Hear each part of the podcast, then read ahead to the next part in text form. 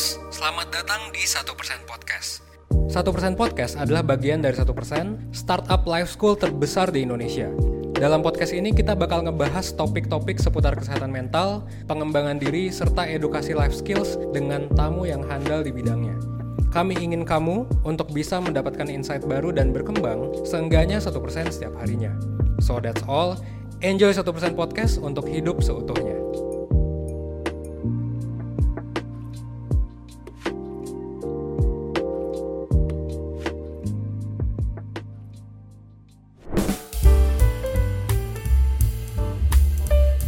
Self development itu tidak akan tidak relevan ya guys tidak akan tidak relevan. Karena semua orang ya butuh yang namanya self development dari zaman Socrates sampai zaman Nabi Muhammad bahkan ya.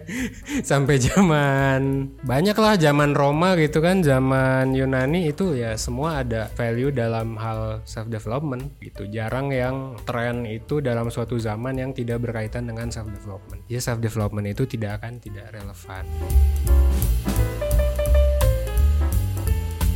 Sekarang kita lihat ya, zaman sekarang tuh banyak perubahannya di mana? Yang pertama ya banyak perubahannya tentu di teknologi dan yang kedua ya sama juga di teknologi tapi ini masalah harga guys. Gitu ya. Kayak uh, kita bisa ngelihat bahwa sekarang dengan uh, uang misalnya 50 ribu, 100 ribu kita bisa dapetin koneksi internet yang cepet banget. Dulu gue inget banget pas gue masih SD atau SMP, itu kita masih Edge bahkan ya 2G. Jadi uh, 100 kbps aja itu udah gila banget kencengnya dulu itu. Sekarang tuh udah 10 megabyte per second aja udah udah dianggap mungkin lambat buat gua yang suka ngupload ngupload video gede gitu. Jadi sekarang tuh self development yang paling mantep yang bisa lu coba tekuni adalah soal teknologi sama uh, gimana caranya lu bisa ngasilin output dengan biaya seminimal mungkin. Jadi maksudnya gimana? Maksudnya ya sekarang tuh udah banyak opportunity guys ya.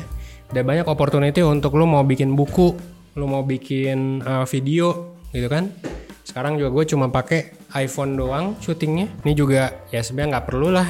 Nah, meskipun ini agak mungkin pricey sedikit pricey gitu ya. Tambah lighting ya lighting paling berapa ratus ribu gitu. Ini tuh dulu nggak bisa di achieve guys. Berapa tahun lalu itu nggak bisa di achieve dengan budget segini doang gitu. Sekarang tuh ini semua bisa di achieve ditambah dengan uh, laptop makin murah HP makin murah dan lain sebagainya. Ya udah tinggal kapan mau mulai aja dari teman-teman gitu. Jadi saran gue sih perhatikan dengan baik kondisi zaman sekarang tuh apa sih yang lagi maju dan ketika sesuatu itu lagi maju biasanya harganya kan jadi lebih murah atau sebaliknya sih jadi makin mahal banget. Tapi lu cari aja uh, harga yang jadi makin murah. Nah lu bisa beli itu sesuatu di sana, lu bisa develop diri lu di sana gitu. Dan kalau dalam bidang gua, gua ngelihat sekarang yang lagi murah banget tuh ya itu koneksi internet, uh, harga teknologi dan juga kemajuan teknologi which lu bisa menggunakan segala macam rupa sekarang itu dengan budget yang minimal. Sayangnya sekarang itu ya orang-orang lebih suka itu kali ya, ya main sosmed gitu kan. Tapi nggak dimanfaatin buat apa-apa gitu kan. Atau beli gadget yang paling mahal gitu ya, yang ada pro-nya gitu atau yang ada ultranya tapi kagak dipakai buat apa-apa gitu.